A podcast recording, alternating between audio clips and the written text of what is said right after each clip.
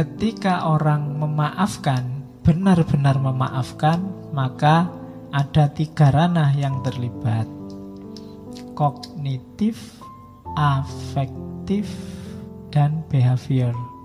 Kadang disebut psikomotorik. Jadi akalnya juga memaafkan, batin rasanya juga memaafkan, perilakunya juga menunjukkan aktivitas memaafkan. Itu berarti benar-benar memaafkan. Jadi akalnya sudah bisa menerima. Oh iya, dia salah, dia keliru, harusnya dia tidak melakukan itu, tapi dia kan manusia biasa. Itu akalnya bunyi. Nanti rasanya juga bunyi, iyalah saya maafkan, kasihan dia, kasihan juga saya kalau lama-lama membenci, lama-lama saling marah. Itu afeksi. Behaviornya, perilakunya kemudian salaman, kemudian hidup bersama, kemudian saling menghargai itu behavior. Berarti memang sudah memaafkan. Jadi kalau tiga ranah ini terlibat, tidak sekedar di mulut kayak tadi berarti kita sudah benar-benar memaafkan kognitif afektif sama behavior perilaku kita menunjukkan memaafkan batin kita memang memaafkan perbuatannya dan akal kita memaklumi apa yang sudah dilakukan itu berarti kita sudah benar memaafkan memaafkan tapi behaviornya tidak begitu masih lirik-lirian masih caci maki ya berarti belum. Hatinya masih belum. Ya saya maafkan tapi masih agak ganjel gimana ya kok berarti berarti belum. Akalnya juga masih saya belum bisa menerima perbuatanmu terlalu kejam padaku. Nah, itu berarti juga belum. Kalau tiga-tiganya kombinasi kognisi, afeksi, behaviornya sudah memaafkan, itulah namanya memaafkan. Kalau belum ya memang sebenarnya masih berat dan tidak masalah, ada prosesnya. Tidak bisa langsung. Oke. Tadi ini agak ngulang kayak tadi mengapa harus memaafkan? Ya depresi, marah, mencegah balas dendam, meningkatkan kualitas hubungan. Kadang-kadang kemarahan kita ketika kita tidak mau memaafkan itu yang terjadi rangkaian balas dendam. Saya mukul. Kemudian kamu tidak terima, kurang ajar aku dipukul, balas mukul. Loh kak kamu balasnya dua kali, tak balas lagi.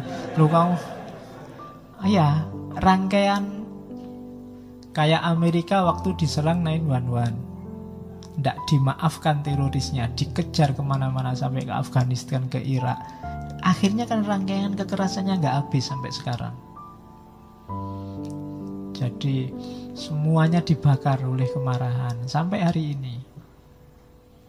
Jadi hati-hati, kemarahan kita, kebencian kita itu akan berangkai melahirkan kemarahan baru, kebencian yang baru. Karena kamu caci maki dia, dia ganti caci maki kamu. Kamu balasnya lebih dahsyat, dia lebih dahsyat lagi. Kamu ngomong satu jenis binatang, dia ngomong tiga jenis binatang. Kamu, ya kan? Jadi kamu ngomong lima jenis, dia ngomong seluruh kebun binatang. Kamu ngomong, ya bisa begitu. Kamu maki dia, dia maki kamu. Kamu maki dia, ditambah kamu maki saudaranya. Kamu dia maki kamu, tambah maki bapaknya, ibunya. Oh dasar mbahnya, oh dasar terus. Jadi ini rangkaian, rangkaian. Bisa sampai dosen-dosennya, bisa sampai kampus-kampusnya dasar mahasiswa win deso oh, kampusnya kena ya kan kampusnya sampai kena nanti dosennya juga kena semuanya bisa kena itu rangkaian di situ pakai istilah rangkaian kesaliman rangkaian ini berangkai loh jangan salah tidak cuma melibatkan dirimu maka maafkanlah kalau memang ada kemungkinan dimaafkan menurutmu karena tidak bisa dipaksa maklumilah dan yang terakhir itu meningkatkan kebanggaan. Jangan salah loh.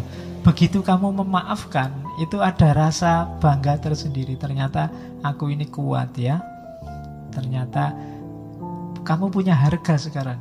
Men menaikkan prestismu sendiri, kebanggaan dirimu. Ya rasakan sendiri kalau kamu nanti memaafkan. Biarlah engkau bahagia bersamanya. Aku turut mendoakan. Nah itu kan Loh itu kan meningkatkan Orang yang lihat Wah kamu baik sekali ya Kamu sudah Sudah begitu kamu masih mendoakan saja Nah itu ada kebanggaan diri Oke Terus sekarang prosesnya proses memaafkan itu yang jelas tadi ya disengaja. Terus tidak bisa langsung ongoing proses, butuh waktu. Bahkan dalam kasus tertentu perjuangannya sepanjang hidup. Ya kayak tadi, kamu dikhianati sekali, itu kan teringat terus. Ini kan anytime kamu berusaha untuk bertarung melawan ingatan bahwa kamu pernah dikhianati itu. Meskipun kamu sudah memaafkan. Dan resikonya kamu harus bertarung terus untuk tidak lagi mengingat-ingat kesalahan dia padamu. Jadi memang butuh waktu, takes time. Bahkan bisa sepanjang hayat. Karena itu memaafkan bukan proses yang mudah. Kemudian permaafan juga sifatnya aktif, tidak pasif, tidak nunggu. Ya kapan-kapan kalau saya sadar saya maafkan, tidak. Kamu harus berusaha bergerak untuk memaafkan. Kalau nunggu sampai batinmu siap memaafkan, ya tidak siap-siap. Karena memang karakter kita kalau ada orang salah ya memang ingin balas kayak tadi bawaan. Maka jangan ditunggu sampai kamu siap memaafkan, tapi berusahalah untuk bisa memaafkan. Berjuanglah. Meskipun tidak harus langsung.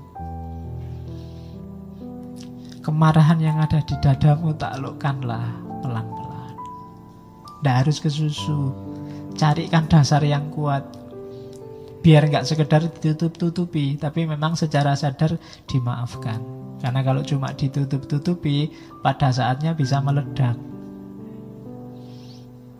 Tapi usahakan ya memaafkan yang benar. Maka itu sifatnya aktif. Tidak pasif. Jadi memaafkan itu justru menunjukkan keaktifan. Bukan menunggu orang minta maaf. Kemudian dari dalam. Jadi bereskan dalam dulu. Baru nanti ekspresi keluarnya bagus. Kalau di dalamnya belum beres, keluarnya ya tidak akan beres. Pura-pura saja. Kalau ketemu senyum tapi begitu lewat melirik. Ya kan? Kalau ketemu ngomongnya enak-enak di belakang ngomongnya jelek-jelek, berarti belum memaafkan maka bereskan dulu yang di dalam sini. Kalau masih belum ya ngomong, saya sedang berusaha untuk memaafkanmu, mohon maaf ya, ini masih perjuangan kan, biasa aja. Jadi aku sangat kecewa, aku sangat marah, yo berusaha aku memaklumi tapi sampai hari ini masih belum sukses, jadi bantulah perjuanganku. Nah, Oke, semangat kan gitu. Kayak benteng Takeshi itu loh kalau mau gerak itu. Aku bisa kan gitu. Meskipun setelah itu kecemplung. Oke. Kan biasanya gitu kan mantep teriak semangat. Aku bisa. Tapi terus jatuh.